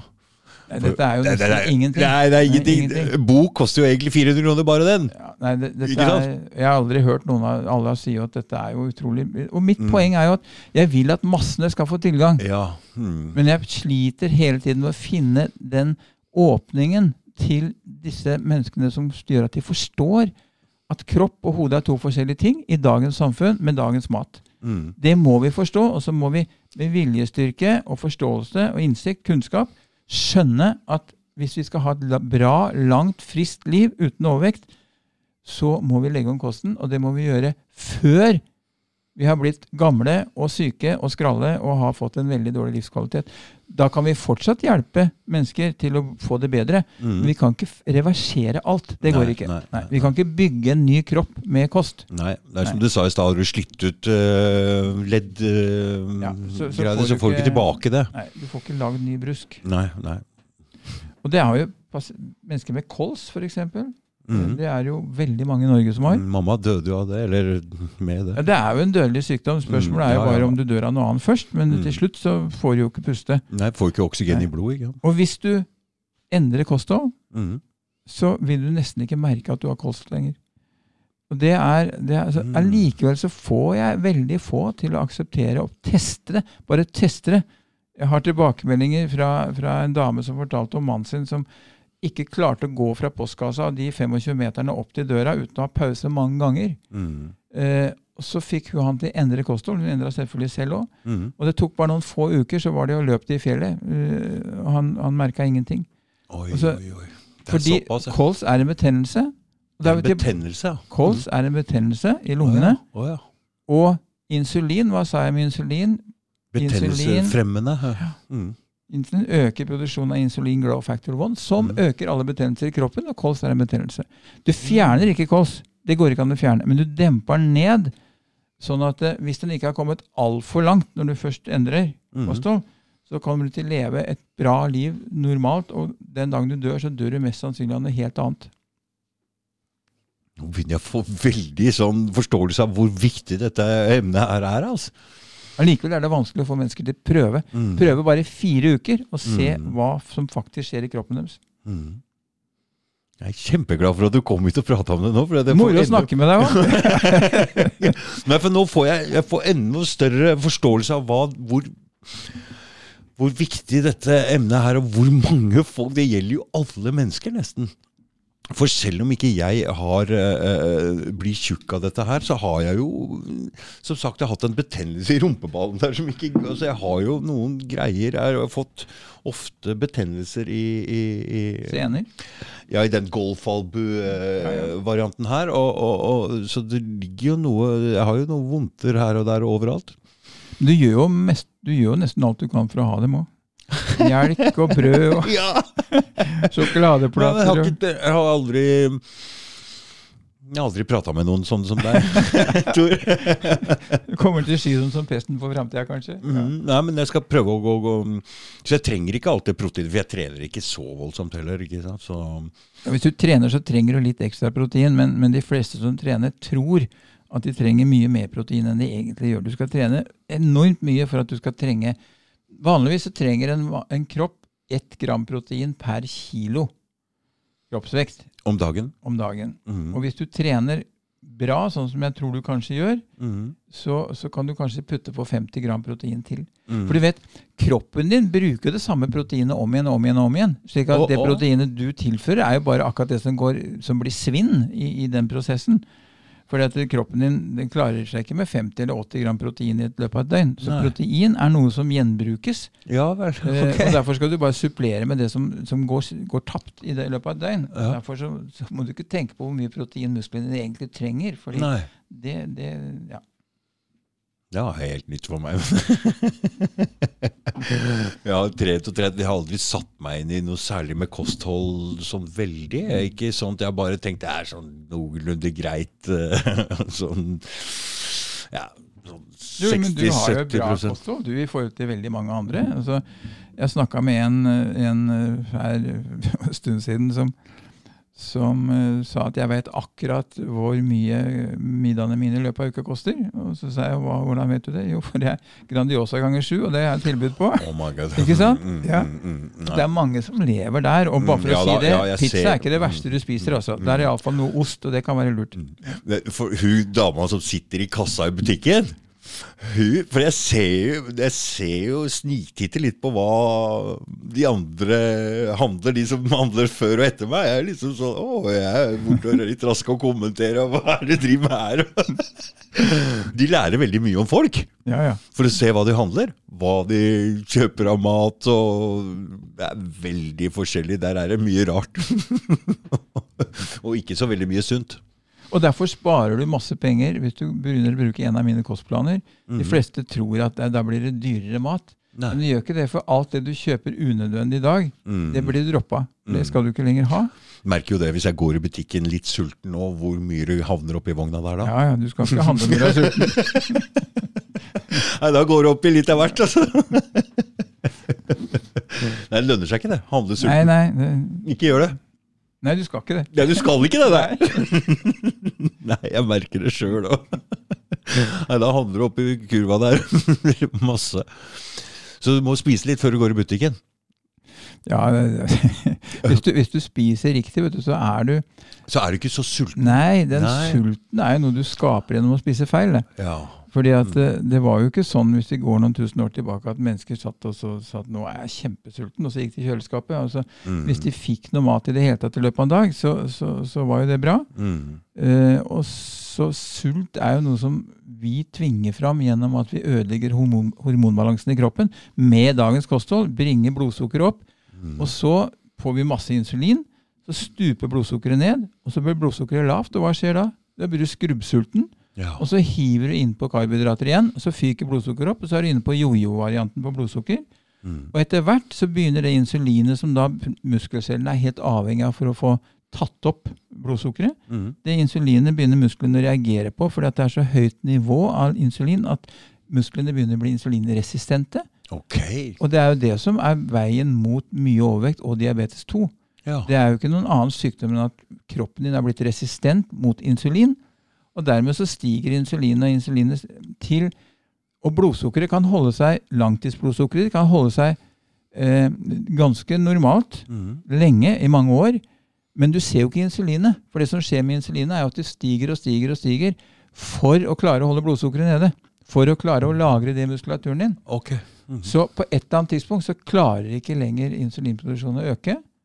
Eh, og da vil du begynne å, å, å legge på deg. Mm. Men du sa noe annet rart også. Du sa at det er bra å gå uten mat eh, litt. Grann, da. Faste er veldig bra. Faste er veldig bra, ja. Ja, faste er bra, fordi da gir du kroppen uh, Det er ikke sånn at du må faste. Nei. Nei, for det, det er veldig mange, Jeg føler veldig mange som henvender seg til meg som starter med at 'jeg har ikke lyst til å faste'. Det, det er noe som har festa hos mennesker at de må faste. Mm. Men det er, det er tull. Det er ingen som må faste. Nei. Men, og for å gå ned i vekt eller spise seg friske. Men hvis du er interessert i å faste, så er det noe helt annet enn det du på forhånd tror. For du tror du blir skrubbsulten, Mm. men du blir akkurat det motsatte. Du blir ikke sulten i det hele tatt. Nei. Du går gjennom noen timer der du først blir litt sulten, Mm. så setter fettforbrenningen i gang, Mm. og så begynner du å føle deg veldig bra. Belønningssenteret, hjernen begynner å føle seg bra. Du begynner å komme litt sånn, du blir litt høy på deg sjæl etter hvert. Og føler at nå har jeg kontroll på verden. Og grunnen til det er jo at eh, når du har gått to-tre dager uten mat, så, så er kroppen et instinkt som sier at nå må du pinadø fange noe å spise snart. Mm, så du Og blir da- skjerpa? Ja, og da Mhm. kan du ikke være i en situasjon der du mister all energi og orker ikke riktig. flytte deg, for da, klarer du ikke sammen, mm. da får du ikke sanka ei nøtter engang. Mm, Så derfor så blir du mer og mer høy, mm, mm. og, og, og, og du går ned i vekt, selvfølgelig, men du går ikke så veldig mye fortere ned i vekt, fordi at forbrenningen senker seg ned når du ikke spiser, Mm. for å ta vare på kroppen. Sånn at det, Noen syns at det er fint, for de blir fire-fem kilo lettere på og, og, og, Men det er bare fordi de tømmer tarmen, tarminnholdet tømmes. Mm, så det er egentlig ikke noe med slanking i seg sjøl å gjøre, det, lite. ikke sant? Nei. men det har mer for å føle seg bedre. Ja, og så få cellene til å reparere seg selv, for de slipper Ja. de å jobbe med all den maten du spiser. Mm. Sant? Så du, du lar jo aldri cellene dine få fred til å reparere seg sjøl, du. For du spiser hele tiden. Ja. Også hele natta spiser du, ikke sant? Jo, jeg står, jeg, sant det. Jeg står opp om natta noen ganger og spiser. Jeg veit ikke helt hvor jeg er trøtt. Jeg får ikke Og nå skal cellene dine da få tid til å reparere seg. Nei, jeg Nei. visste ikke at du trengte men Nei, nei. Reparasjonskit på Ja, det er- biltema. Nei, men, men det er interessant, for det, vi er kanskje ikke lagd mennesker til å, å, å, å spise hele tida. Kanskje vi er lagd til å gå perioder uten mat. Kanskje det er sånn det skulle være. Ja, Vi har iallfall ikke hatt noe valg i perioder, for det har ikke vært mat. ikke sant? Nei. Spesielt her oppe i arktisk strøk, Mm. som du har hatt istid. og, og, Ja, og mm. Vi har jo også, vi har også mindre næringsrik jord her enn vi hadde der lenger sydpå. Vi har andre Mm. kuer her enn vi Altså kumelka i Norge øh, og er jo mye mer helseskadelig, dette forstår for min regning, enn den er hvis du går lenger sydover. For det er to forskjellige kuraser. Ja. Og, og du ser også at sykdommer som MS, som jo er en betennelsessykdom som går på nervene i hjernen, og diabetes 1, det, de, de 94% av alle tilfeller av diabetes 1 og MS befinner seg i de landene i verden der folk drikker melk. Er det? Men det er forskjell fra til Island. Og på Island så fins det en annen kurase. Det er samme som er lenger sydover. Mm. Så melka inneholder andre stoffer enn den gjør her i Norge. Og noen prøver å bortforklare dette med å si at det er fordi at det er, det er, det er så lite sol her, og lite mindre D-vitaminer enn en mm. lenger syd. Men det er ikke mer sol på Island enn det er her. Slik at den forklaringen den er, er bare tull. Sånn at melk har Men, men det, er ikke, det er jo ikke noe dokumentasjon for at det er sant at melk er årsaken til diabetes 1 og MS. Men jeg har snakket med noen som har MS, og som har diabetes type 1, og spurt har du drukket mye melk. Og de sier ja, men herregud, jeg har nesten ikke levd på noe annet. Og, eh, Mm. Jeg drikker melk, og familien min og noen har jobba på Arla, og det er liksom ikke ja. Eh, Sånn at Men det er jo ikke noe dokumentasjon i den forstand, annet enn at det, det er en sannsynliggjøring. At det er en sammenheng når 94% kommer fra de landene der folk drikker melk, og du snakker med noen av dem, så forteller, forteller de at, eh, at jo, de har drukket masse melk. Men det er sikkert mange som ikke har gjort det. Men, Mm. men eh, ja. Altså, jeg tror eh, den Coop-butikken med den økologiske melka, de som selger den, kommer til å merke eh, dropp i omsetninga etter at du har vært der. Nei, jeg tror at ja, for, for det, jeg kommer til å droppe å kjøpe så mye, for jeg er jo storhandler av den melka der oppe. Jeg er ikke sikker på om du slår ut på statistikken, men Nei, det Det hadde vært veldig bra om det var tilfellet at eh, folk begynte å, å ta litt vare på kroppen sin gjennom maten, ikke bare tenke på at eh, de skal trene. Og, altså, det er flott at folk trener. Kjempebra. For helse er det veldig bra å trene. Mm. Men det har ingen innvirkning på, på hvis du skal ned i vekt, f.eks. Nei, nei, det, det skjønner jeg. Når du ser liksom at du må tre ganger rundt Østensjøvannet her for å bli kvitt ei sjokoladeplate, Ja. så skjønner jeg at det, de tinga der hører ingenting med hverandre å gjøre, egentlig. Nei. Det er ingen forskjell på mennesker som trener og ikke trener når det gjelder når de blir testa på, på disse sykdomsparameterne som, som kostholdet bidrar til. Mm. Så kostholdet er det viktigste av alt, ja. Ikke trening. Nei, det, Trene er bra for helsa di, men Mm. når det gjelder overvekt og, og, og helse, så står kostholdet for 90 Mm. du kan si, Det hjelper ikke så mye hva du gjør hvis du spiser feil. Mm. Du må først sørge for at du har en grunnmur på det huset du skal bygge. Mm. Og så kan du bygge huset på den grunnmuren. Og Det er ikke noe annet jeg sier enn at gå tilbake og spis det folk spiste før. Nei. Det er ingenting annet jeg sier. Det er det du sier. Ja, Ikke Mm. noe annet. Mm. Det er bra. Nei, skal vi si at vi er ferdig, Tor? Ja, jeg vet ikke. Det er du som har spørsmålet. jeg har ikke flere spørsmål. yes. Tusen takk for at du kom, uh, Tor. Det var hyggelig å komme til deg. Var det? Ja. Det er bra. Det skal være. Ok, ha det.